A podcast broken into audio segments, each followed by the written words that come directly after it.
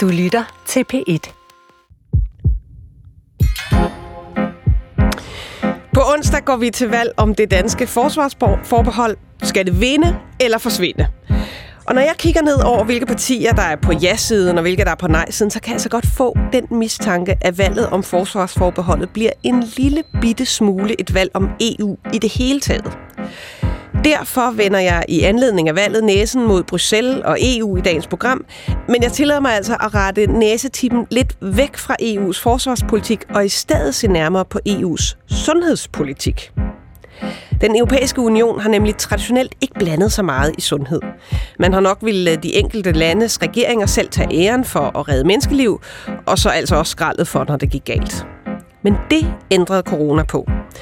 I vaccinekapløbet og ikke mindst vaccineopkøbet, der fremstod EU ærligt talt lidt nølende, øh, hvis man skal sige det pænt, ukoordineret.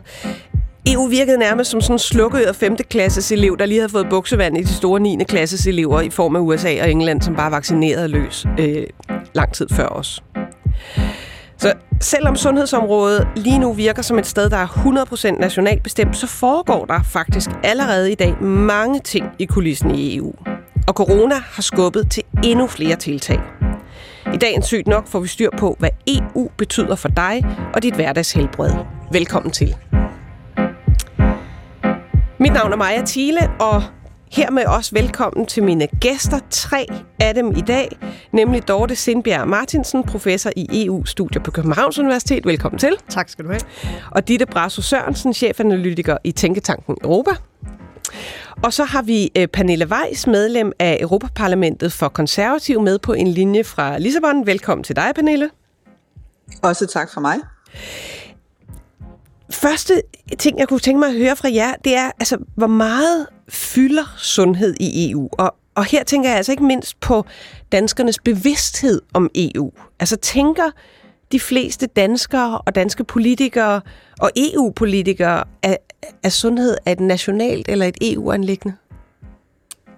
Jamen altså, først og fremmest så tænker man jo, at det er et nationalt anlæggende, hvor EU ikke har ret meget at sige, og i hvert fald ikke popper op i vores hverdag. Men øh, vi så under corona, at EU har en rolle at spille, og det er også for mig at se en tiltagende rolle. Det er sådan ret fragmenteret. Det er nogle puslespilsbrikker, så når vi lægger dem sammen, så bliver det egentlig ret meget. Og der er helt sikkert også et stort fremtidsperspektiv i, hvor meget EU kan komme til at, spille i forhold til industrien, i forhold til den enkelte øh, patient øh, osv. Så, så når jeg stykker det her sammen, så er det et andet billede, end det du måske skitserer indledningsvis. Ja, fordi jeg, jeg kan sagtens fortælle fra mit eget vedkommende, da, da vi blev enige om, at vi skulle lave et program om EU og sundhed, så tænkte jeg, yes, for det ved jeg absolut intet om. Altså helt blank på, hvad EU betyder for, ja. for sundhed. Men, men hvad er dit indtryk, øh, Pernille Vej, som, som, øh, som sådan aktiv politiker i EU? Hvad, hvad, får du mange mails fra bekymrede danskere om, hvad EU øh, synes om, om sundhed?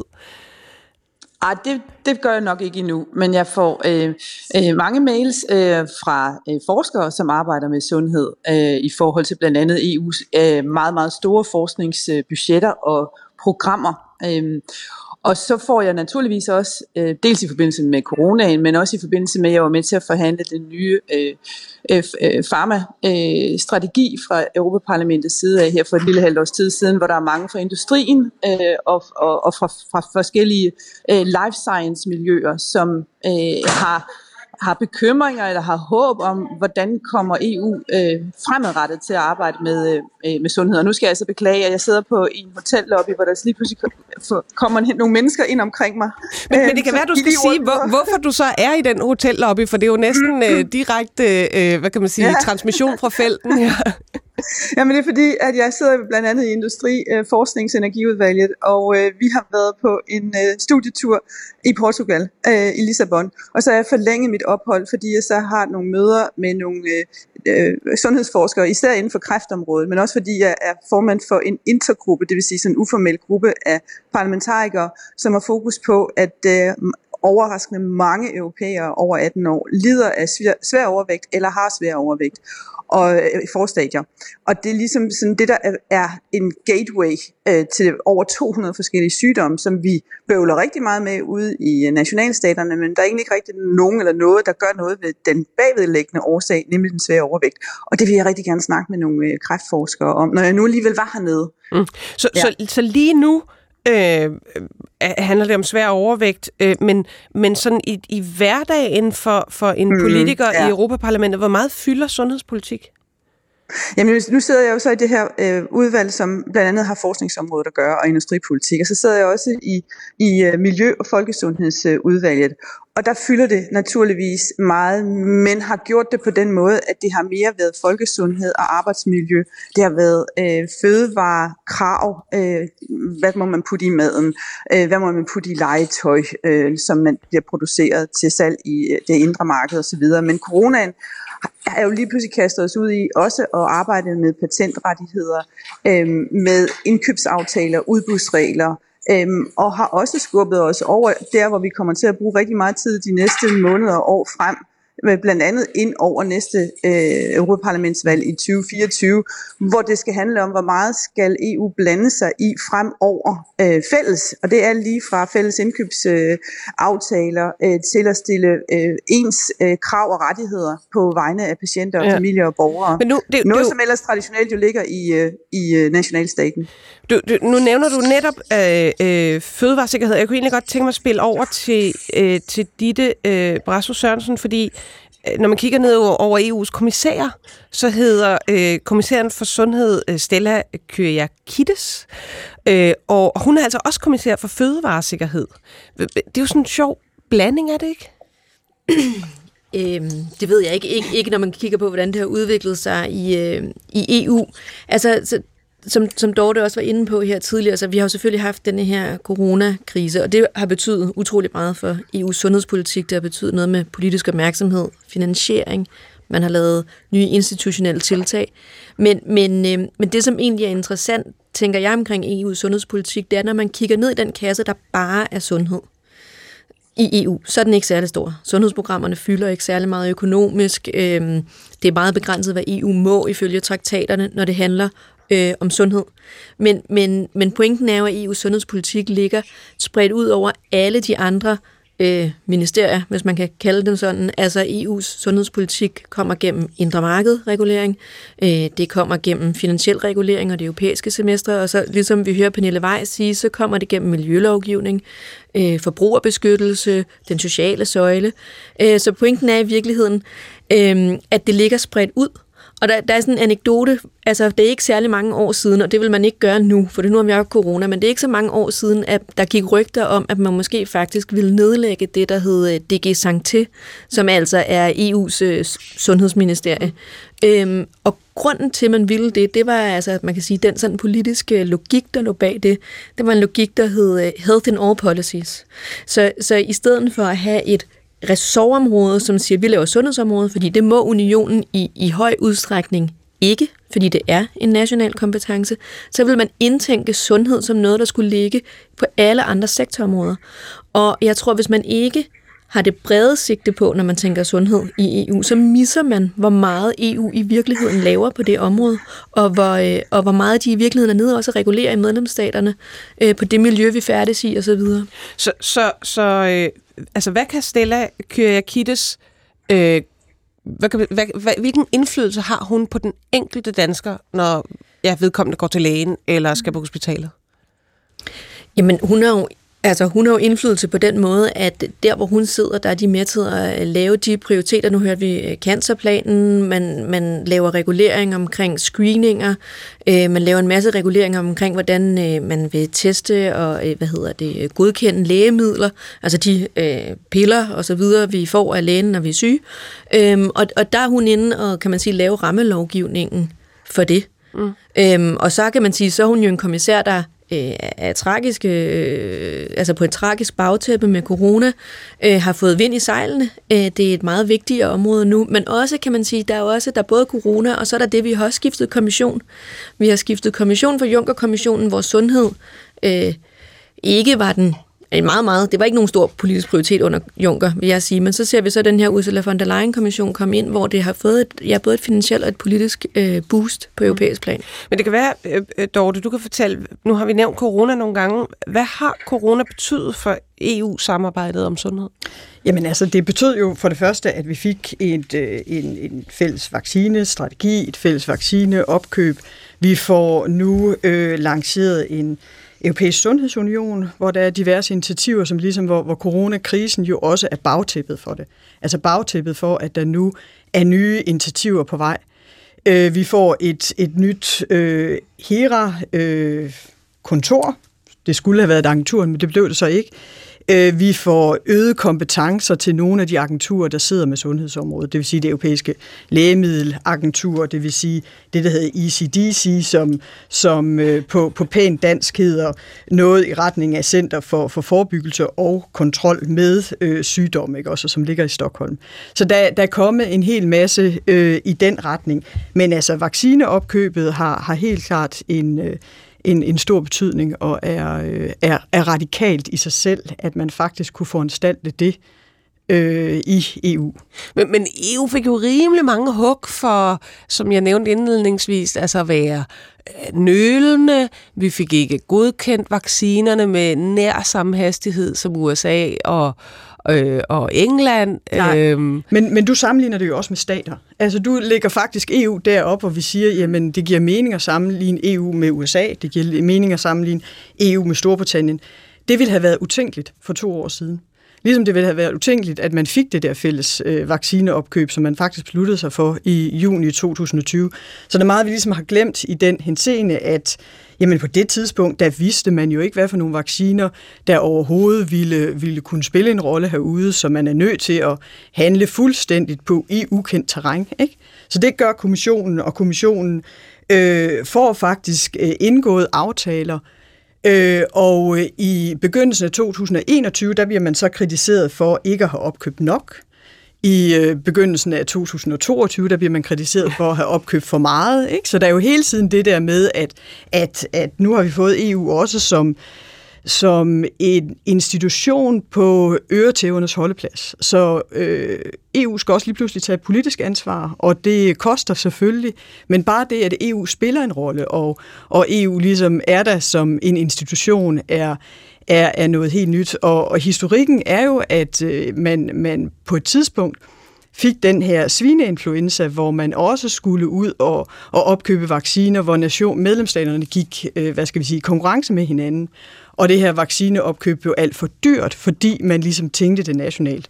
Så det man overbød nogen, simpelthen hinanden? Man overbød, og, og farmaindustrien øh, pressede også priserne op i, i den forbindelse, og der var ikke nogen koordinering af det. Så det var det, man også øh, ville imødegå. Så, så på den måde øh, men er der i hvert fald kun, nogle spor, der skræmmer. Men det var vel kun delvist, at det lykkedes i den her omgang, for der var jo alligevel hele tiden forlydende om, at ej, nu havde Tyskland købt x øh, antal ja. ekstra doser, ja. fordi de ikke synes, det var nok, det de ja. fik fra EU. Ja, det lykkedes delvist, og det tror jeg også, at man må se i sådan hele den her sundhedspolitiske øh, historik omkring EU, at det er sådan... Øh, to skridt frem og et tilbage, noget der lykkes, noget der mislykkes, og, øh, men, men der, bliver, der bliver sat nogle spor, som så peger frem imod øh, nye institutionsopbygninger og nye kompetencer, også til EU på det her felt. Det går rigtig, rigtig langsomt, men alene det, at der sker noget, er, øh, er jo ligesom ud over det, som traktaten tilsiger, som siger, at det her det er national kompetence. Ikke? Ja. Øh, Pernille Weiss, øh, øh du kom jo ind i Europaparlamentet sådan umiddelbart øh, hvad kan man sige, i forbindelse med mm. coronas udbrud. Hvordan var, hvordan var stemningen, og, og hvad, hvad skete der sådan der, i, da det her samarbejde pludselig skulle op og stå? Jamen, altså, jeg, jeg oplevede i høj grad, at der i Europaparlamentet øh, skete det, at øh, rigtig mange af mine nye kollegaer øh, rigtig gerne vil vise, at øh, EU kan også godt takle den her udfordring. Hvis ikke EU gør det, hvem gør det så? Fordi det er en pandemi, øh, og der er ikke noget land, der kan klare det her alene. Så hvordan kan vi koordinere, hvordan kan vi skabe overblik, hvordan kan vi formidle øh, det, der skaber tryghed, fordi der er en, en god kommunikation om, hvem gør hvad, hvornår, og hvor vi er på vej hen, og sådan nogle ting der. Det, det oplevede jeg i høj grad en kæmpestor vilje til, at, øh, at, at det vil man sørge for fra parlamentets øh, side. Men også at EU-institutionerne imellem hinanden øh, lidt sloges om at få lov at komme til. Øh, og i en overgang, øh, så var det meget kommissionen og rådet, altså statsregeringslederne, som ligesom øh, tog sig af de helt store beslutninger. Og så var det også, der sad over i et parlament, som ikke altid var samlet, fordi vi jo ikke måtte være i huset og så videre, så videre. Vi er jo kun medlovgivere, og når man skal handle i nuet i en krisesituation, så flytter øh, beslutningskraften sig naturligvis derhen, hvor den, hvor den er størst, og det er den i, i på sundhedsområdet i et samarbejde mellem nationalstaternes regeringer og, og kommissionen. Sådan må det et eller andet sted være. Men det skabte også øh, en, en, en friktion, som blandt andet en af forklaringerne på, hvorfor det her HERA, altså det her EU-kontor til varsling af nye store kriser, øh, svarende til det, som amerikanerne har haft siden 9-11, der hedder BARDA, hvorfor det endte med at blive til et, et, et, et, et meget stort kontor øh, om et par år øh, inde i kommissionen, men som ikke er et agentur, vi som folkevalgte øh, har nogen lod og del i. Altså, de tager ovenikøbet købet penge fra nogle konti, som vi har været med til at beslutte, hvad skal bruges til, for, til det her øh, HERA-samarbejde. Så der ligger nogle små vejsidebomber for den fremtidige politiske diskussion omkring øh, øh, sundhed og, og, og, og, og en ny øh, organisering af, både i respekt for traktaterne og de nationale suveræniteter, men også, hvad er det så, vi kan gøre bedre øh, sammen med hinanden. Men, men nu, altså corona, det var jo en, en, en verdensopspændende akut mm. sundhedskrise og en, en infektiøs sygdom. Øh, ja. Øh, nu sidder du øh, i, i Lissabon og snakker om svær overvægt, som er en, en helt anden form for sundhedskrise. Ja, lige præcis. Lige præcis, lige præcis. Og, det, og det er jo det, der vi kommer til at forholde os til fremadrettet, at fordi vi nu i på bagtæppet af pandemien øh, fandt ud af også, hvor dysfunktionelle vores del for vores sundhedssamarbejde er på nogle områder, men også hvilke lande der heller ikke har hverken sociale og sundhedsmæssige systemer, der fungerer lige godt alle sammen, så bliver der også en entreprenant øh, øh, politisk vilje, i hvert fald hos nogle af mine kollegaer, og det har næsten ikke noget at gøre med, hvilken politisk parti man kommer fra, men det er lidt mere sådan, hvordan man ser Europa i fremtiden mm. og nationalstaten, hvor man tænker, nå ja, hvis vi nu kunne det her med pandemien, så kan vi jo sikkert også gøre det med kræft så kan vi sikkert også gøre det med overvægt, så kan vi sikkert også gøre det med diabetes, så kan vi sikkert også gøre det med, med mental sundhed. Og så begynder tingene lige pludselig at glide meget tæt over i det, der i virkeligheden hjemme i Danmark er en kommunal ansvarsområde, øh, hvor man tænker, hvorfor skal der nu være en one size fits all tilgang, hvor man tror nede i Bruxelles, at, at øh, hvis vi bare finder ud af, hvordan alle europæer skal have det, så får alle det meget bedre, øh, end, end nogen nogensinde har haft. Og det er jo noget, det er farligt, mm. øh, efter min mening. Lad, lad os høre, ja, hvad tænker I øh, her i studiet om, om altså kan man, kan man lynhurtigt fra nogle tiltag, der galt for corona, over på, på ja, kroniske sygdomme, øh, øh kræftudvikling, svær overvægt, det Sørensen? Øhm, Nej, det, det tror jeg ikke, man kan. Altså nu, jeg, jeg er ikke læser, så jeg skal ikke stå her og gøre mig klog på at sammenligne forskellige sygdomme. Men, men hvis man ser politisk på det, så ser jeg heller ikke det som værende øh, ambitionen. Altså netop de ting, som øh, man har lavet i EU, har været meget tæt forbundet på, på krisehåndtering. Øhm, krisehåndtering behøver selvfølgelig ikke at være øh, corona næste gang. Det, det er selvfølgelig bredt forstået. Det kan også være øh, en, en naturkatastrofe eller en, en sygdom, der opfører sig på andre måder. Øhm, men, men, men det er de håndtag, man har trukket i, og det er de håndtag, man har institutionaliseret, øh, gennem HERA, øh, gennem mere monitorering af, af sundhedsdata. Jeg synes, en, en ting, som jeg lige vil knytte anden til, som også var noget af det, du sagde i starten, og som, som, som Pernille øh, også, også øh, peger på her, det, det er jo det her med, at øh, der er jo en masse sundheds udfordringer på tværs af unionen, der ikke er løst. Og så er der en masse sundhedssystemer, som er nationalt meget forskellige, og på kommunalt niveau, og lokalt niveau, og regionalt, hvor, hvor de nu bliver reguleret rundt omkring i Europa. Men, men en ting, som, øh, som jeg synes er interessant at, at bringe frem i forhold til det her med sådan Hvordan tænker folk? Du spurgte, at hvor stor en del af bevidstheden, af danskernes bevidsthed er, af, af sundhed, for, øh, når, man, når man tænker EU.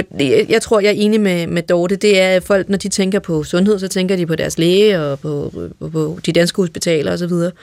Men hvis man så kigger på, nu har vi lige afsluttet den her konference om Europas fremtid, hvor nogle europæiske borgere har øh, fået lov til at sige, hvad, hvad, hvad, hvad synes de egentlig, at de har behov for? Øhm, så, så meget af det er ikke så overraskende nogle meget borgernære ting, de har behov for. Ja. De vil gerne have behandlingsgaranti, de vil gerne have noget med øh, bedre ældrepleje, de vil gerne have information og uddannelse i sund livsstil og ernæring og kost osv. Og, så videre. og jeg tror ikke, det, man skal ikke overanalysere det, jeg tror ikke, de borgere har siddet og tænkt, og det kunne vi øh, død og pine godt tænke os, at det skal være EU, der giver os. Men, men det er bare for at sige, når man har de her øh, overliggende visioner omkring lighed i sundhed, og der skal være, øh, vi, skal, vi skal have mere samhørighed inden for unionen, så peger borgerne også på, at der er rent faktisk inden for sundhed, inden for socialt arbejde, øh, store ting at tage fat i. Du lytter til Sygt Nok. Mit navn er Maja Thiele, og vi snakker om EU i forhold til sundhedspolitik. Det gør vi i anledning af, at vi lige om lidt øh, skal til stemmeurnerne og vælge, godt nok ikke om sundhedspolitik, men om forsvarsforbeholdet. Jeg har besøg i studiet af Dorte Sindbjerg Martinsen, professor i EU-studier på Københavns Universitet, og Dido Brasso Sørensen, chefanalytiker i Tænketanken Europa. Og så har vi med på en linje øh, Pernille Weiss, der er medlem af Europaparlamentet for konservative. Øh, og det, du, du nævner det jo meget godt, at det, det er jo, der er jo nogle nære ting, som betyder noget for den enkelte. Altså, det er behandlingsgarantier, det er at undgå at blive syg. Det, der, der er enormt mange ting, der, der, der spiller ind her, og du nævnte også tidligere, at, at sundhed i EU i virkeligheden hører til alle mulige forskellige områder. Det er sådan ret fragmenteret. Øhm, hvis vi nu skulle prøve øh, at skabe et overblik over de her fragmenter, og hvad det så betyder for den enkelte danskers øh, øh, sundhed. Hvad, hvad, hvad kan vi nævne af, ja, af forskellige EU-initiativer? Dorte, vil du øh, Ja, men altså, der, er, der er en del, som også er borgernære, og det er jo det med, med grænseoverskridende sundhedsbehandling, øh, som er en af sådan, de ældste tiltag, og en af de øh, ældste reguleringer, som EU rent faktisk har inde på sundhedsområdet. Og det er måske vigtigt at sige, vi snakker ikke MeToo-grænseoverskridende. Det er, nej, nej, det er over grænser. Ja, ja, ja. Det er selvfølgelig, når du og jeg, vi bevæger os øh, enten som arbejdstager eller som turister, eller vi er ja, på et kortvarigt ophold i, i arbejdsøje med osv., så har vi faktisk adgang til, til andre landes sundhedssystemer. Så, så det er allerede noget, der går helt tilbage til Romtraktaten. Det er, at arbejdstager, hvis man øh, bosætter sig i et andet medlemsland, jamen så får man her øh, mulighed for at på lige fod med nationale borgere at blive øh, behandlet i deres sundhedssystemer. Og Romtraktaten Romtraktaten går helt tilbage til 1957. Det er det oprindelige traktatgrundlag, hvor man altså giver mulighed for det her med, at først var der arbejdstager, der skulle kunne bevæge sig øh, frit over grænser, så det er en del af det indre marked, som de der også nævnte før. Øhm, og øhm, det betyder så, at øh, det, det bliver så også senere i udviklingen af det her traktatgrundlag til, at personer kan bevæge sig frit. Så det er faktisk sådan en hel, et, en, en hel historie omkring, hvordan EU integrerer øh, på sundhedsområdet i sig selv. Så det, at, at man får adgang til andre landes øh, sundhedssystemer, det er radikalt, hvis vi sammenligner det globalt. Endda inden for føderale systemer kan der være hindringer for, om du kan få behandling øh, fra, fra stat til stat. Ikke? Men, men det, det er der altså her øh, en ret til. Så, øh, så det udvikles der. Og senere så bliver det så til i 2004 i forbindelse med etableringen også af, af den europæiske union, at vi får det her blå sygesikringskort, som nogle af os måske sådan borgernært øh, har set og faktisk har derhjemme i lommen. Så når jeg sammenligner det blå sygesikringskort, øh, så, så er det jo en af de der meget konkrete øh, tiltag, som er på, på sundhedsområdet. Og da det blev lanceret i 2004, så sagde daværende kommissionsformand Romane Prodi også, at nu har du fået mere EU i din lomme, ikke? med en pangdang, en sammenligning øh, i forhold til euroen. Ikke? Men der, der er alligevel noget, netop hvis man tager det blå sygesikringskort som eksempel, ja. der tyder på, at, det, at at så øh, langt fremme i bevidstheden ligger det i hvert fald ikke. Der var, der var en historie for nylig om, at, at altså 600.000 øh, danske blå sygesikringskort stod til at udløbe, så når man pludselig står dernede i Spanien, eller hvor nu man er, er på sommerferie henne, ja. øh, og er blevet syg, så pludselig står man med et udløbet blåt sygesikringskort. Ja. Så, men, men, men faktisk så er det en af de der meget, i hvert fald i Danmark, en af de der meget effektive processer, for så går du ind på borger.dk, og så siger du så, at jeg skal have et nyt blåt sygesikringskort, og faktisk så får du allerede i din e-boks en, en pdf-film, der siger så, nu er jeg faktisk allerede nu herfra, indtil det så kommer hen i min, øh, min postkasse, forsikret, ikke også? Og det giver adgang til offentlige øh, sundhedsudbud øh, i andre EU-lande. Så, så, så det er et, et konkret tiltag, men det er også helt klart, at der er mange, der slet ikke er informeret omkring det og der heller ikke mm. har sat sig ind i reglerne for, jamen, hvornår kan jeg benytte og kan jeg få privat behandling? Nej, det kan du ikke. Det er kun offentlig behandling osv. osv. Ikke? Mm. Øh, og, og man ved også, at i EU så er det meget forskelligt, at vi i øh, de, de gamle EU-lande har øh, meget mere øh, erhvervet det her blå sygesikringskort, mens det har man ikke ret meget i Østeuropa. Så der er også en masse ulighed i det her med, øh, hvordan vi bevæger os, og hvordan vi ligesom tager de her rettigheder til os, og hvor gode vores nationale systemer også er til at informere os om rettighederne. Ikke? Øh, og, og så hvis vi sådan lige tager 18 år frem i tiden fra 2004, så, så øh, 17 år frem i tiden, så kommer øh, netop i efterforløbet, og samtidig med coronakrisen, EU for Health, hvor man har afsat altså 5,3 milliarder euro øh, til dels noget, når man læser på det, øh, der handler om sådan akutte sundhedskriser, men, men en af top, hvad kan man sige, top emnerne i EU for Health er jo også bare i det hele taget at forbedre sundheden for EU-borgere. Mm. Hvordan kommer det til at spille sig ud?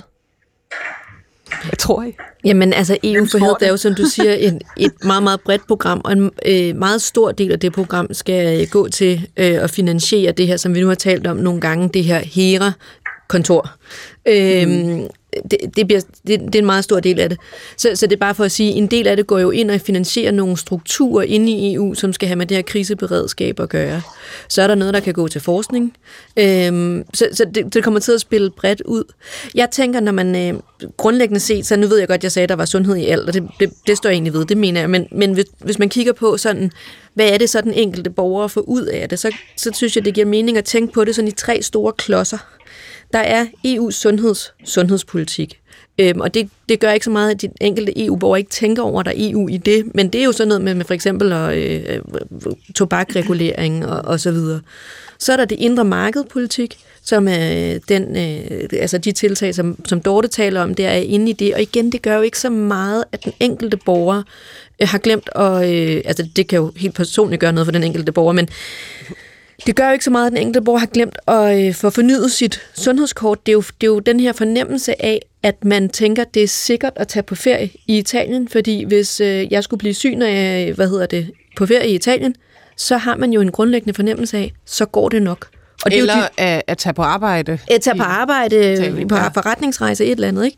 Og så den sidste store klods, som vi ikke har snakket så meget om, det er det her med, at sundhed jo også er reguleret gennem de øh, generelle økonomiske reformer i EU, og det er jo meget sådan noget med effektivisering af sundhedssystemerne, så det har måske ikke så meget direkte, hvordan tænker jeg som borger på sundhed, men hvis man er inde i arbejder i hospitalsvæsenet eller i sundhedsvæsenet, så handler det om, hvordan bruger man de skattepenge øh, bedre, øh, hvordan digitaliserer man mere osv. Og der er EU også meget, meget tæt inde i de nationale sundhedssystemer. Øh, Pernille Weiss, øh, du, du har øh, øh, noget andet, du skal videre til, men jeg kunne egentlig godt tænke mig at høre her, øh, øh, inden du, du øh, smutter fra studiet. Mm, ja, ja, yes. øh, du, du er jo både i, i nogle, hvad kan vi sige, officielle EU-komiteer og arbejder politisk der, og så er du også i øh, nogle sådan øh, member of parliament interessegrupper.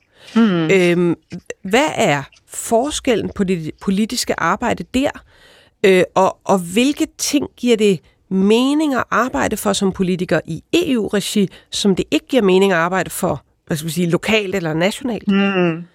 Åh, oh, det er sørme et godt og stort spørgsmål. Altså, jeg vil svare med udgangspunkt i den, øh, jeg også nævnte øh, tidligere, at jeg er formand for en intergruppe, der har fokus på øh, svær overvægt. Øh, fordi 60% af alle plus 18-årige europæere har enten forstadier eller er svær overvægtige. Og overvægt øh, ligger bag øh, mere end 200 forskellige diagnoser, som vi bruger en hulens masse penge på, skattekroner, men som også giver en masse familier og mennesker en masse udfordringer i hverdagen. Øh, det bliver vi simpelthen nødt til at, at gøre noget andet ved. Øh, og noget af det, som vi så prøver at presse på i den her lille intergruppe, det er den kendskærning, at kræft fylder det hele øh, i forhold til den politiske kontekst, men vi vil meget gerne tale om det, der egentlig skaber kræft blandt andet, fordi det gør over, øh, svær overvægt. Øh, og måden vi så griber det an på, det er at gøre opmærksom på, hey, WHO har sagt det her i mange år, kommissionen har sagt det i et par år, der er nogle medlemslande i EU, der har lavet en national handleplan for svær overvægt, og som også har anerkendt, at svær overvægt for rigtig, rigtig mange mennesker er en kronisk ledelse. Det er altså ikke bare et spørgsmål om forebyggelse og livsstil og spise mindre og rør dig noget mere, men det er faktisk en kronisk ledelse, som kræver forskellige øh, både altså medicinske hjælpemidler, øh, terapeutiske øh, interventioner på, på af diagnostisk karakter, hvor vi så løfter en dagsorden, før den egentlig øh, er for alvor på lystavlen over i kommissionen, og før den overhovedet bliver behandlet som en sag i vores udvalg. Men, så men, vi, men kan, kan man ikke argumentere for, at, at der, jamen, mm. der, det burde de enkelte lande kunne jo, håndtere eller klare selv? Jo, jo, men vi er jo også et levende demokrati, hvor vi er nogen, der sidder og arbejder med det på europæisk niveau, så er der folketingspolitikere, så er der kommunalpolitikere osv., og i den her lille gruppe, som jeg så er formand for, der prøver vi at få alle de demokratiske lag i tale. Øhm, og, og blandt andet for et par måneder siden, så havde vi øh, en, en studietur i fem af landene, hvor vi netop havde inviteret kommunale, regionale og nationale politikere til sammen med os fra Europaparlamentet og sammen med kræftforskere, patienter og familier at tale om, hvordan går det i jeres område af Europa, hvad kunne vi godt gøre bedre? Og en af forslagene er simpelthen, at vi presser på for at få dem over i rådet, altså statsregeringslederne, men også sundhedsministerne, til at blive bedre til at samarbejde om, er der nogen, der allerede har opfundet en god national handleplan for overvægt, som andre kan lade sig inspirere af, men også hvordan kan vi indsamle data for, hvad det så er af alt det, man kan gøre, der rent faktisk virker, men også hvordan kan vi få løftet emnet i en forskningssammenhæng. Fordi hvis jeg lige må knytte an til noget af det, der blev sagt lige før i forhold til ja, 5,3 øh, milliarder, det er rigtig meget at skulle bruge på, på sundhed fremadrettet. Det jeg hører lige nu i den her uge, hvor jeg taler med, med ledende forskere, det er, at man er bekymret for, at de her penge bliver brugt øh, som man smører så bredt ud som overhovedet muligt, hvorved at den grundforskning, som skal lægge bag ved nye, blandt andet patenter, men også nye indsigter i sammenhæng, blandt andet imellem overvægt og nogle særlige kræftdiagnoser, ryger i baggrunden, fordi man også prøver at lave sådan noget lighedsmageri med en masse milliarder, øh, med de bedste intentioner, fordi man gerne vil gøre godt i den her verden, men hvor EU skal også passe på at, at hvad skal man sige, passe sin kerneforretning, som er at sørge for, at der er midler til den meget dyre og meget øh, krævende forskning, som tidligere havde mere bevågenhed, end det har set ud til lige i øjeblikket. Ja, der, der, der øh, sætter du fingeren lige på noget, som EU øh, gør, og efter min øh, forskermening, det, jeg er jo forsker øh, mere end jeg er ja. radiovært i virkeligheden, at de gør rigtig godt. Altså, de har jo det her rammeprogram Horizon ja, Europe, som, som giver øh, mange, mange, mange milliarder til forskning i det hele taget. Det er jo ikke kun sundhedsforskning øh, på nogen måde. Nej, men der er, der er altså nogle, nogle øh, små lamper, der begynder at lyse mere og mere fra de miljøer, der tidligere har, har set EU som dem, der finansierer flagskibsforskning. Øh, Øh, alt den slags forskning, som intet land har ressourcer til selv for alvor at gøre, også fordi de bevæger sig på et meget internationalt niveau, at de er bekymret for, at den her øh, nye sundhedsinteresse, der er skabt på grund af coronaen, betyder, at nu begynder der også at skabe sig en lille uheldig trend, eller ikke en lille, men det kan blive en ret alvorlig trend i retning af, at det, som nationalstaterne rundt omkring i Europa ikke endnu har kunne finde ud af at gøre rigtigt. Altså der var jo nogle lande, der afslørede i coronaen, at de ikke havde styr på tingene skal de så have hjælp og finansiering især fra EU, eller skal de blive bedre til at, at tage sig sammen via blandt andet det, som også blev nævnt før, det økonomiske semester, altså hvor man i sin karakterbog for, om man nu får, får lavet de reformer, øh, får lavet de systemer i en social- og sundhedsvæsen, der, der, der er behov for, for at det led i kæden er stærkere, end det viser sig at være i, i, i 2020-2021. Se, det, var for det er jo en helt legal diskussion ja. at, at have, hvor man kan sige, der skal vi også blive måske mere modige til at tage de der opgør med hinanden om, okay, det der, det er nationalt øh, kompetence. Det er et nationalt ansvar. Det er ikke kun en kompetence, det er faktisk et ansvar, og det skal løftes, og det kan løftes men, i nogle men, lande meget bedre. Og, øh, det var jo en, en ny ting for mig i hvert fald, at øh, EU opererer med sådan en, en lille karakterbog. Øh, men, men øh, nu, ja, nu, det har vi jo opfundet nu, med det økonomiske ja. semester. nu, nu bliver der jo nævnt altså, nogle ting omkring øh, sundhed, er der noget, som, som måske i virkeligheden bør beholde øh, ved de nationale mm. stater, og vi skal nok yeah. øh, diskutere det senere, så er der noget, som, som, øh, som EU sagtens kunne blande sig i. Men egentlig kunne jeg godt tænke mig at høre, øh, Dorte øh, Martinsen, sådan en, når Pernille Weiss fortæller om de her tiltag, Øh, altså, er, er, er vi på vej fra en, en uh, kun kulunion uh, og samhandelunion til noget, der kunne minde om en sundhedsunion her, eller, eller er vi langt, langt fra det? Altså jeg mener, vi er langt fra Sundhedsunionen, fordi som Pernille også sagde først, så er det jo det der med, at man, man afdækker noget, der er dysfunktionelt, som i den her krise, vi lige har været igennem. Mm. Så går der nogle entreprenante øh, stemmer i gang, og nogle aktører, som ligesom gerne vil mere, men derefter så går den politiske proces jo så øh, i gang, og den vil som regel mindre.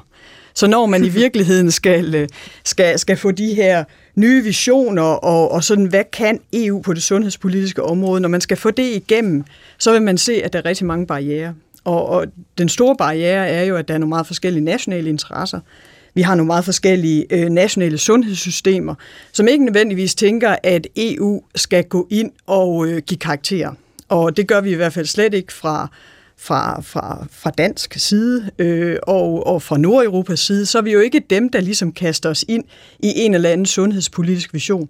Så det bliver måske nogle gange de lande, som, som, som ikke har det stærkeste sundhedssystem, som kommer til at være, være øh, skubbe på, at EU skal mere, men så bliver det snarere nogle nordeuropæiske øh, medlemslande, som kommer til at trække bremsen.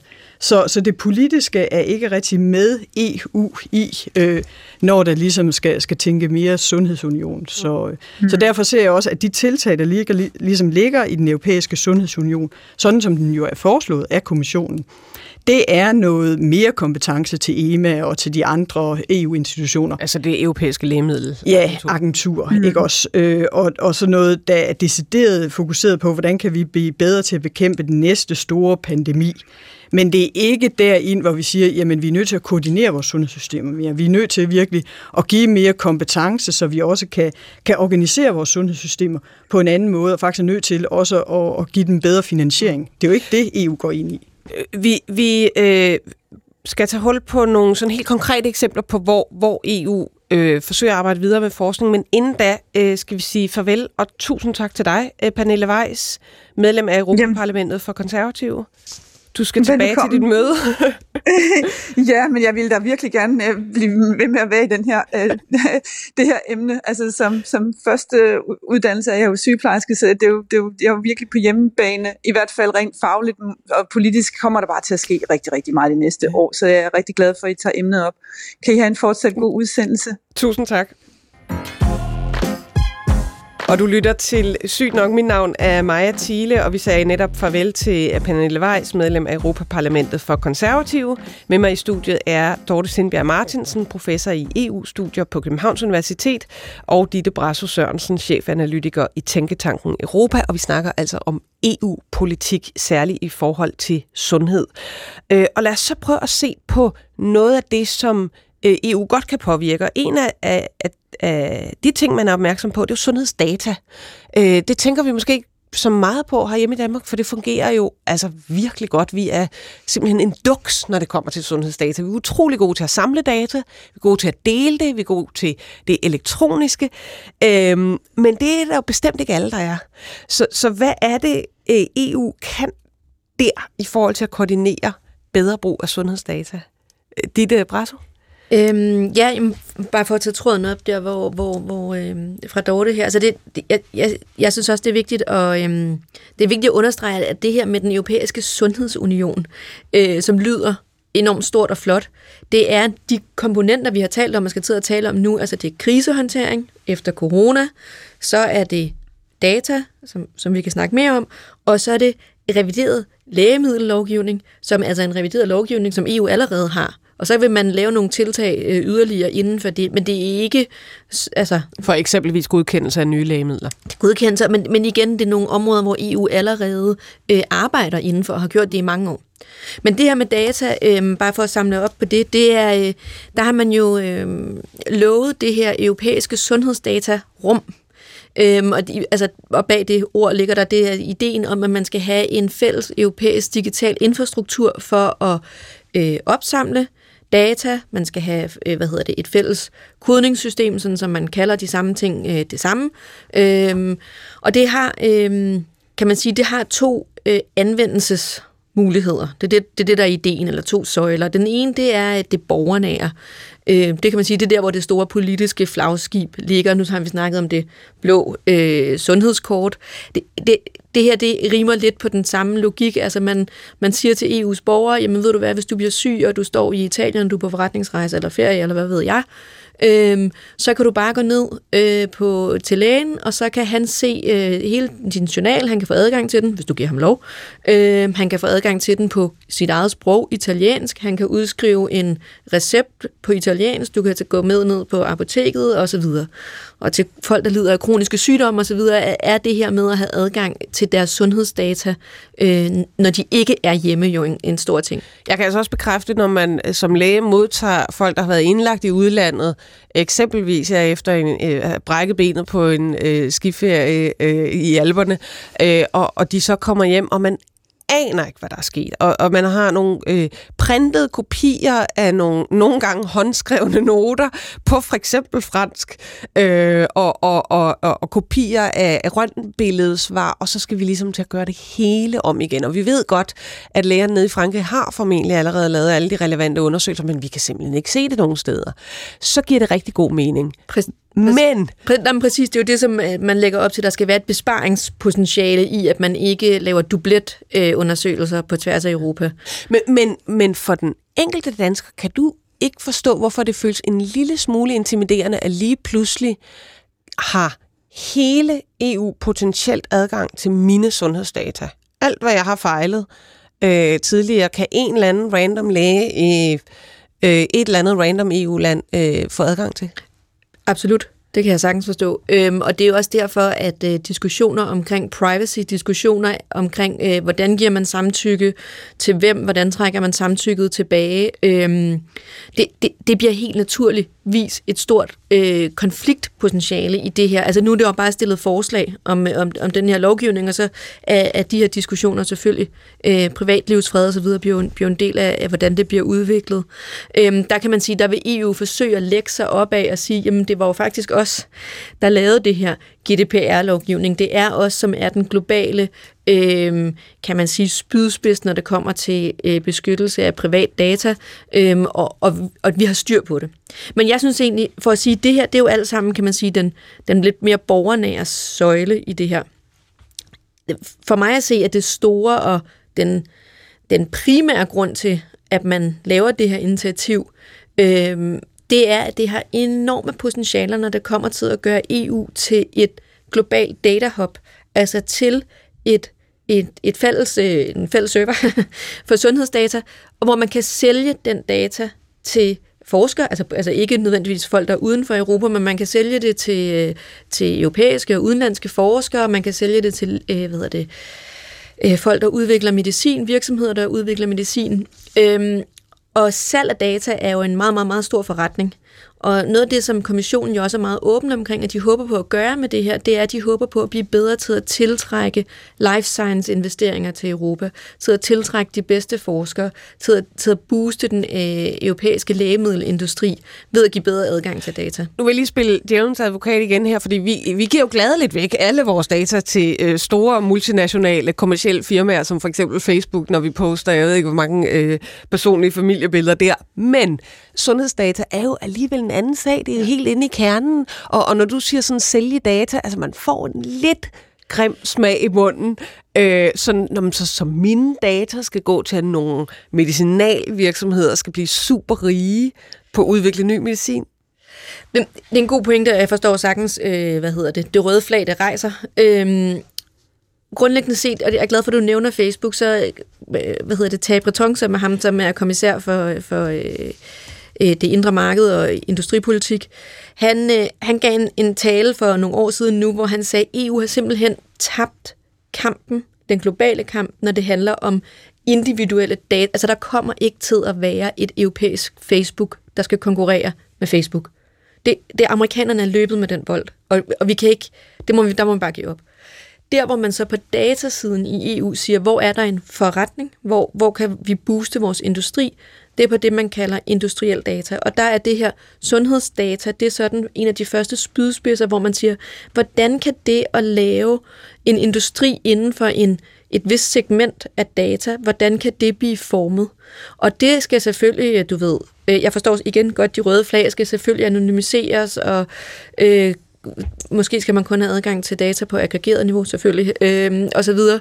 Øh, men, men det er også det, altså det understreger virkelig den pointe, jeg, jeg, jeg gerne vil lave tidligere, det er at sige, der er meget af de, mange af de tiltag, EU laver på sundhed, der er driveren en anden end sundhed. Det, der er driveren indre marked lovgivning, som for eksempel mobilitet, øh, arbejdskraftens fri bevægelighed osv., når vi snakker med, om patientmobilitet. Der er driveren øh, øh, hvad hedder det, industripolitik, som vi ser her. Øhm, og, det, og det har konsekvenser for sundhed, og også nogle gange positive konsekvenser for europæiske borgers adgang til og data osv. Mm. Lad os høre Dorte Martin. Jamen, altså jeg, jeg er helt med på, at det kan være driveren, det indre marked er ligesom driveren, men så igen, så kommer det politiske ind, ikke også? Og så kommer sådan ligesom den politiske talesættelse af det her, som at nu skal mine private data sælges ud over, øh, ja, igen, ud over grænserne, og vi har ikke længere nogen kontrol med det. Så jeg, altså, jeg tror, at det her sundhedsdatarum er jo øh, super... Øh, på idéplan, men når det ligesom skal realiseres igennem den politiske proces og igennem de strukturer, der skal være med til at, at muliggøre den her udvikling af data, så har vi digitalisering, som på ingen måde øh, fungerer i størstedelen af EU's lande. Ikke? Så vi kan tale om det i, i dansk henseende, men allerede går vi ned til Tyskland, jamen så er der jo ikke nogen digitalisering af, af sundhedsdata. Øh, så, øh, og så er der hele privacy, og så er der hele øh, muligheden for selvfølgelig at kontrollere, hvad for nogle data, øh, der kan udveksles på tværs af grænser. Så jeg har svært ved at se, hvordan det her initiativ kommer til at spilles øh, sammen med for eksempel GDPR, øh, forordningen, hvor man kan sige, jamen allerede den har jo gjort det ekstremt vanskeligt forskningsmæssigt at få adgang til de data, vi tidlig, tidligere kunne få adgang til. Så der er altså nogle, nogle dissonanser i, øh, hvordan man, man tænker øh, de nye sundhedspolitiske visioner for EU. Og den dissonans ligger også i noget, der er sundhedspolitik på den ene side, og noget, der er indre markedspolitik på den anden side. Og der har vi tidligere set, at de her to ting, de kolliderer voldsomt, når det ligesom skal, skal blive til noget konkret politisk, så noget, der lanceres ud som det indre marked, det får benspænd øh, i det, som, som man i højere grad øh, betragter som sundhedspolitik, og derfor nationalt anlæggende. Mm. Så, så ja, ja, altså, det har en lang vej at gå, og jeg tror, at strategien om ligesom at sige det her, jamen det er et enormt øh, Øh, øh, privat øh, mulighedsrum, som virkelig kan, kan booste noget også økonomisk, øh, kan, kan være en, en ja, i sig selv øh, bremse muligheden for at gennemføre det. Mm. Altså, og hvis vi tager medicinalindustrien som, som eksempel, så er det jo også noget, vi i Danmark er rigtig gode til, og gode til at tjene penge på. Vi har store øh, øh, industrier, øh, Novo Nordisk selvfølgelig aller, aller største øh, af dem alle, øh, og, og danske forskere har jo øh, ikke bare til gavn for medicinalindustrien, men til gavn for sundhedsforskning i det hele taget, jo virkelig et godt ry i forhold til registerforskning. Altså vi er jo, ja. vi er jo øh, i toppen af poppen, når det handler om at udlede ny viden fra de danske registre. Og, og altså sådan en, en forsker som mig kan jo få julelys i øjnene ved tanken om, tænk at kunne kigge på hele EU's sundhed øh, og, og udlede ny viden af det. Men, men det lyder som om, Dorte, at der, der er lang vej, før man vil nå dertil. De administrative data, de registerdata, de eksisterer jo ikke i andre lande. Så, så alene det at skulle opbygge, og der er også nogle politiske og nogle historiske forklaringer på, hvorfor man ikke registrerer alt i, i lande, øh, øh, for eksempel i Sydeuropa. Så, så det, det, det er virkelig noget, som, som vi måske tænker meget ud fra et dansk perspektiv, men som ikke lader sig oversætte til andre lande. Jamen, jamen, jeg er helt enig, og, og jeg synes, det her skisme, det, det er jo interessant, fordi det viser nemlig, at hvis, når man tænker det som, hvis man tænker det her som et uh, industripolitisk tiltag, der skal uh, booste den, uh, du ved, adgang til data og uh, investeringer i life science osv., så, så har man nogle parametre, der vil være gode at skrue på. Så er det vigtigt, at datakvaliteten er helt i top, der er let adgang, det ikke er for omkostningsfuldt. Hvis du så kigger på sundhed, privacy osv., så, videre, så er der måske, som du siger, nogle modsatrettede øh, hensyn, der skal tages. Altså, man vil gerne have sine øh, data af private og så videre. Og, og det er jo lige præcis det, som gør, at, at de her øh, øh, politik øh, initiativer er svære at udrulle. Du lytter til Sygt Nok. Vi snakker om EU's sundhedspolitik i anledning af, at danskerne snart skal til stemmeurnerne og stemme om et andet EU-aspekt, nemlig forsvarsforbeholdet. Jeg har besøg af Dorte Sindbjerg Martinsen, professor i EU-studier på Københavns Universitet, og Ditte Brasso Sørensen, chefanalytiker i Tænketanken Europa, og mit navn er Maja Thiele. Og vi har snakket meget om, hvad der er af initiativer nu og her, og hvad der har været initiativer, men, men lad os prøve at, at, at kigge lidt fremad. Hvad er jeres mening om, hvad EU vil kunne kunne sundhedspolitisk, og hvad der absolut ikke vil kunne lade sig gøre inden for EU? Vil, vil du be, øh, begynde, Dorte? Ja. Øh, jamen altså, Især inden for forskning og udvikling øh, har EU helt klart en rolle at spille, øh, og nu er der afsat også flere øh, penge til det på, på budgettet, så det er allerede en, en, øh, ja, en, en rigtig udvikling. Altså så, så der for eksempel, hvor der ikke er et privat incitament til at udvikle øh, øh, præparater, det altså kan være øh, ting, som medicinalfirmaerne ja, typisk ja, ikke gør. Ja, mm. så fordi at det, det er der simpelthen ikke øh, økonomi i, og derfor har man brug for, for forskning, man har brug for forskningssamarbejde, og der kan være rigtig god grund til ligesom at trække de bedste kræfter øh, ind i, i nogle synergier her. Hva, ikke også? Hvad kunne være et eksempel? Jamen, det kan være et eksempel inden for, øh, ja, øh, hvad, hvad kan vi give for et eksempel? Det kunne være øh, multiresistente bakterier, hvor øh, ja. hvad hedder det, business casen er, er, er, er svær på grund af altså regulering. Der, der, og det er jo blevet fremhævet gang på gang, at der er ikke nogen medicinalfirmaer, der prøver at udvikle ny antibiotika, altså ny medicin mod netop multiresistente bakterier, ja. som man ellers ser som et, et kommende meget stort og voksende ja. problem. Ja. Så, så det er i hvert fald et af de områder, hvor EU klar har en rolle at spille, kunne give de her samarbejder. Så er der også noget som sjældne sygdomme, Altså, hvor, man, hvor der kan være en idé i, at man øh, i højere grad kan samarbejde i, også, også på, på selvfølgelig øh, forskningsdelen omkring sjældne sygdom, men måske også omkring behandlingsdelen. Det har tidligere været, været op at vende, at man som patient skulle have adgang til øh, behandling, hvis man lider en sjælden sygdom, i et andet EU-land, fordi det er der, hvor ekspertisen er til stede. Så altså ligesom også i højere grad tænker over, jamen, hvor er det den, den bedste ekspertise er øh, på tværs af landegrænser. Altså det gør vi jo allerede nationalt, men der kunne man også i højere grad indtænke EU og give patienterne mulighed for at bevæge sig, øh, bevæge sig der. Men så er der jo også hele, altså omkring også det her med det fælles datarum, altså at, at få øh, mulighed for i højere grad også at udvikle fælles metoder, øh, sådan at man i højere grad kan indgå forskningssamarbejde. Det er jo også ligesom et, et trin i den retning for at kunne komme frem til noget, som reelt set kan blive øh, et, et, et samarbejde. Jeg kan jo, altså en personlig øh, forskningserfaring øh, fra, mit, fra mit daglige virke som, som professor i leversygdomme, det er et, et EU-samarbejde, hvor det har taget os to år at få lov til at øh, dele øh, fællesne øh, med øh, altså fem andre EU-lande øh, nogle data, som altså øh, deltager i et forskningsprojekt, vel at mm. mærke, har skrevet under på, at vi endelig må dele, og vi endelig må bruge til forskning. Altså det, det var en ekstremt langsomlig og meget, meget besværlig proces. Ja. Så hvis EU kunne hjælpe lidt med at, at øh, facilitere, at forskningen kunne, kunne bevæge sig lidt hurtigere, end at man må sidde og vente øh, på sine hænder i to år, så ville det være meget værdsat. Er der, er der så noget, hvor I tænker, at det her, det kommer EU aldrig til at, at blande sig i? Øh, Dorte Brasso Sørensen? Øh, ja, hvad hedder det? Mm, jamen, det, det er faktisk lidt op af, noget af det, som, øh, som Dorte her ved, ved meget mere om, end jeg gør omkring det her patientmobilitet, men, men øh, noget af det, som jeg synes er interessant, og det, er det, som vi har set der efter corona, så har man gjort alle de oplagte ting, ikke? Altså alle de der ting, som ikke er så øh, afhængige af personer, som lager, depoter, forsyningskæder, øh, indkøb osv., ikke? Det er sådan de, de kolde de kolde initiativer. Men, men det, som vi jo så under corona, og som vi jo altså også ser, når der ikke er corona, det er hele det her problem med øh, lægemangel, og det ved jeg, at det har vi også i Danmark.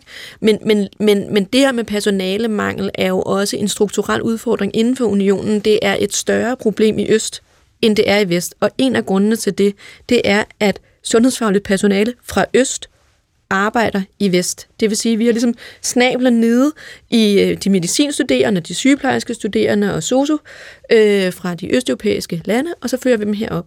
Og det gør jo også, at de østeuropæiske stater har et sværere boldværk. De mangler personale, de mangler specialiseret personale. Og der, hvor jeg synes, sådan noget er interessant, det er fordi, så er vi tilbage i den samme logik igen, hvor du har en strukturel udfordring inden for unionen, som bliver, hvor er noget andet EU-lovgivning omkring arbejdskraftens fri bevægelighed, som vi har garanteret de østeuropæere, at vi har lovet dem, at når de var færdige med deres uddannelse, og faktisk også før, så må de komme til Vesteuropa, hvor de måske hellere vil arbejde. Men, og, og der, er noget, der er en sådan et skisma, som EU får meget, meget svært med at håndtere. Kunne EU altså aldrig blande sig i ja, de, de varme hænder og den frie, øh, frie bevægelighed? Øh, jo, altså det, det gør man jo, fordi man tillader jo faktisk at bevæge sig frit, og der er et massivt brain drain øh, i Østeuropa, også øh, i form af sundhedspersonale, og, og det er helt klart et problem. Øh, men, men det, hvor, som EU kan gøre, det er jo så at, at hjælpe til, at folk kan se en interesse i at komme hjem igen. At der bliver øh, mere velfungerende sundhedssystemer. Og så er det ligesom, at vi er tilbage ved der, hvor skismadet går mellem det nationale og, og det europæiske, fordi det er jo i virkeligheden national kompetence. Så hvordan sikrer man, at man opbygger nogle sundhedssystemer, som, hvor, hvor, hvor lønnen er til, at man vil komme hjem igen, og også at arbejdsforholdene er der til. Og der kan en vis EU-regulering måske gøre noget. Ikke? Her til aller, aller sidst, vi har lige tid til et sidste spørgsmål. Øh, vi har snakket en del om corona. I jeres mening, øh, er EU klar til den næste pandemi? Altså, den er jo, EU er jo mere klar, end det var før, for man har jo rent faktisk institutionaliseret meget af de ad hoc-tiltag, man lavede øh, i hele vejen igennem corona. Og nu ved jeg godt, du siger, det var langsomligt og bøvlet, og ikke lige så godt som USA og så videre. Øh, men nogle af de ting, som man fik øh, lavet hurtigt i EU, det var jo også nogle af de ting, som lå lidt perifært på sundhed. Det var nogle af de ting, der handlede om mobilitet. Det handlede om at lave rejseregler. Det handlede om at lave fragtbaner, sådan som man øh, du ved, sørgede for, at øh, lastbilchauffører ikke sad fast ved grænsen, og varerne kunne komme rundt. Og der, der har man jo et relativt effektivt system. Ja, og man skal jo heller ikke sige, altså det, der så i virkeligheden gik galt på det tidspunkt, det var jo også det, der var nationalt igen, fordi det var jo udrulningen af vaccinerne, og det var national kompetence. Så det var der, der i forvejen var en stor øh, barriere. Og det blev øh, så altså det, vi nåede i dagens øh, Sygt Nok. Øh, tusind tak øh, til alle mine gæster. Øh, Dorte Sindbjerg Martinsen, professor i EU-studier på Københavns Universitet. Ditte Brasso Sørensen, chefanalytiker i Tænketanken Europa. Og så havde vi de første øh, 40 minutter besøg øh, via en linje øh, fra Portugal af Pernille Weiss, medlem af Europaparlamentet for de konservative. Og så vil jeg altså endelig huske alle lyttere på at fejre demokratiet og gå i stemmeboksen den 1. juni for at stemme ja eller nej til forsvarsforbeholdet. I kan lytte til tidligere programmer på DR's Lyd Victoria øh, Tuvino produceret, og mit navn er Maja Thiele. Gå på opdagelse i alle DR's podcast og radioprogrammer. I appen DR Lyd.